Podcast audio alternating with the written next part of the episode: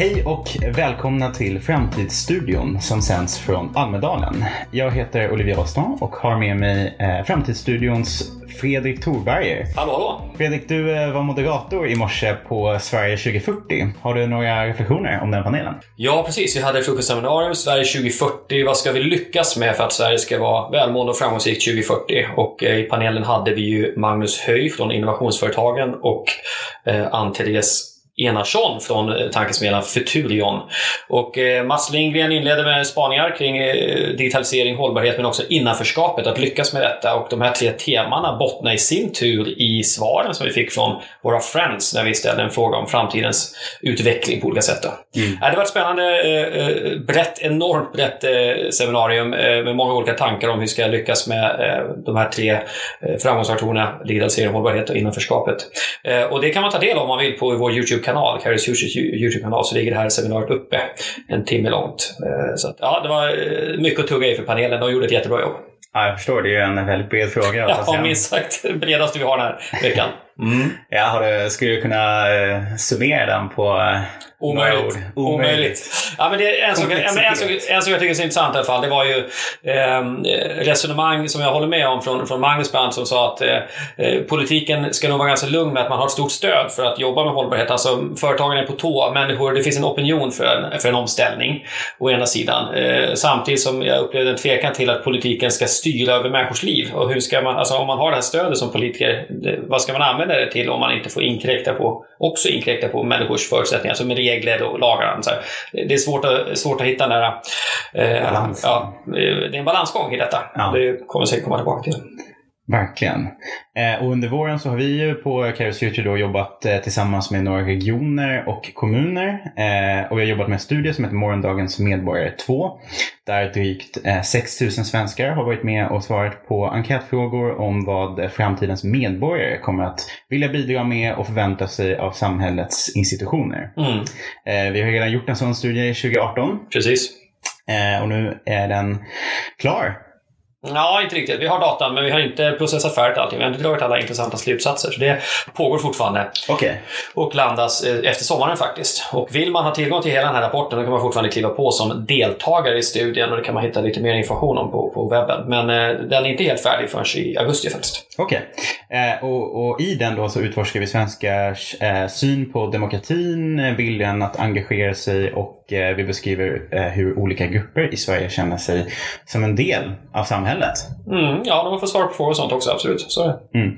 Och i år så har vi lagt fokus på deras attityder till hållbarhetsomställning och digitalisering. Mm. Det är ju två stora områden som, som alla organisationer jobbar med. Då tänkte vi där nu, vi håller kvar fokus på samhällskontraktet, så förväntningar, rättigheter, skyldigheter. Men vi också bollar lite extra i hur, hur beredd är man på omställning och hur ska den gå till och vad är man beredd att göra så. Mm. Två teman som diskuterades i morse också. Jajamän, det kommer diskuteras de närmaste tio åren ska jag säga. Så att, ja. Exakt. Eh, ja, och inför varje politiska partis möte så kommenterar vi eh, väljarbasen i, det här, i den här podden eh, utifrån den datan vi har samlat i studien. Och idag är det Moderaternas tur. Moderaterna har dagens förmiddag i Almedalen, precis. Ja. Eh, Fredrik, vad kan du säga om deras väljare kring samhällskontraktet och medborgarrollen? Mm, ja, just sådana studier som är alltid orolig för att man ska få eh, data som faktiskt inte stämmer med verkligheten. Men tittar man på hur eh, sympatisörerna till Moderaterna, eh, hur, vad som kännetecknar dem, vad de avviker så att säga, vad de har för profil i vår data, så, så bekräftas det att eh, moderater är alltjämt moderater. Det är lite fler män än kvinnor. Eh, något fler i de högre inkomstgrupperna. Det är fler som bor i villa och radhus jämfört med lägenhet, eh, bostadsrätt och så. Eh, och eh, vi kan också se att 64% är nog lite mer ekonomiskt medvetna. 64% säger att de sparar och investerar hellre än konsumerar sina pengar.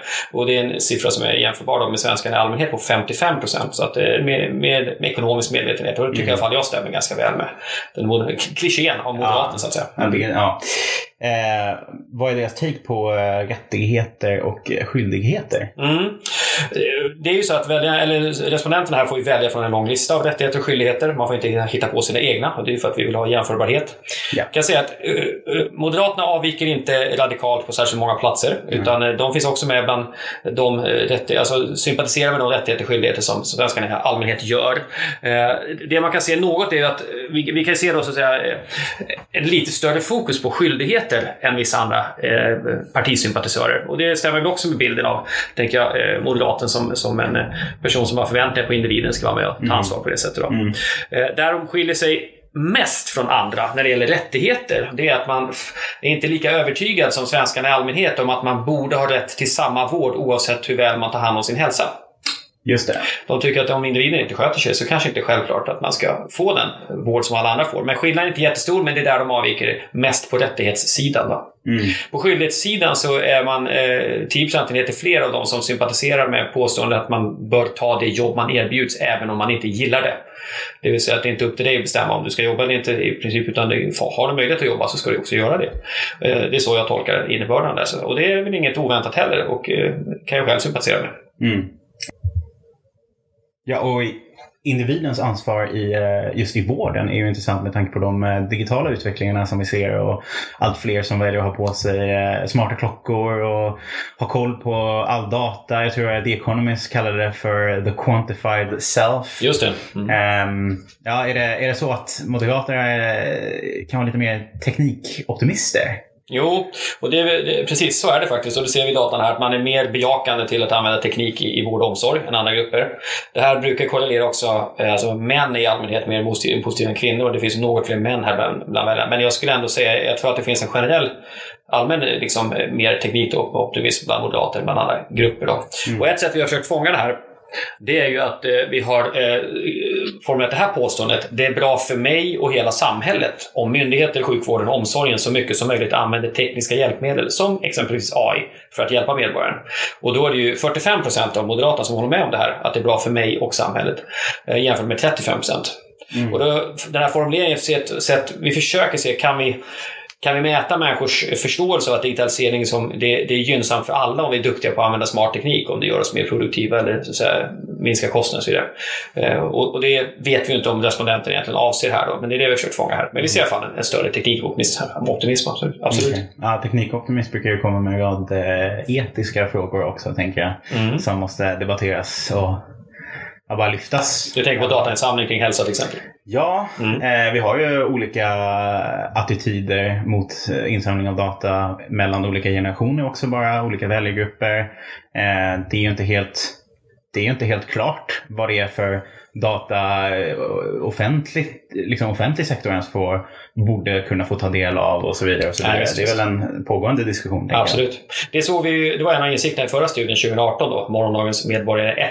Mm. Det var just att eh, och institutionernas eh, Alltså, män, människors förtroende för institutioner kommer påverka tillgången till människors data och därmed tillgången till eh, data att innovera ifrån och utveckla ifrån. Så, här.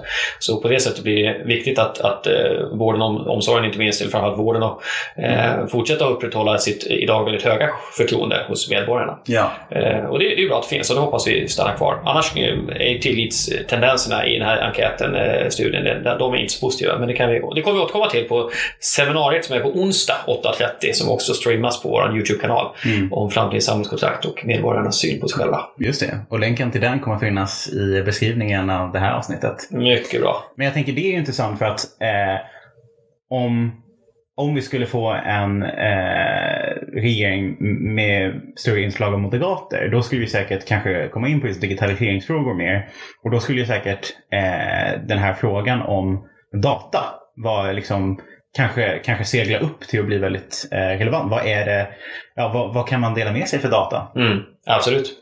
Ja, där finns en stor potential. Jag tror det finns också, däremot i den operativa delen av vård och omsorg ibland, precis som i många andra sektorer, för den sakens skull. Men jag tror att gemene medarbetare kanske inte alla gånger har eh, hunnit fått förutsättningar att sätta sig in i vad skulle vi kunna göra med datan som vi faktiskt har och så vidare. Så det här, Nej. det här är ett jättestort område till att utforska. Sen, Ja. sen händer ju saker, och absolut, och det finns folk som ligger, eller organisationer som ligger längre fram. Och så här. Men, men eh, som OECD visar i sina skattningar så är offentlig sektor i Sverige eh, bland de absolut sämsta på digitalisering utifrån de kriterier som de har Mm mätt och. Just det.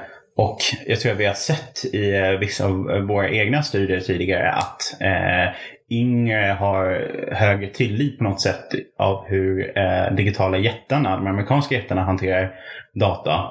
Eh, inte alla, men det finns ju nog högre tillit till att de faktiskt bearbetar den datan på ett eh, mer tillitsfullt sätt. Så kommer, Okej. det, kommer det kanske dy- dyka upp så här.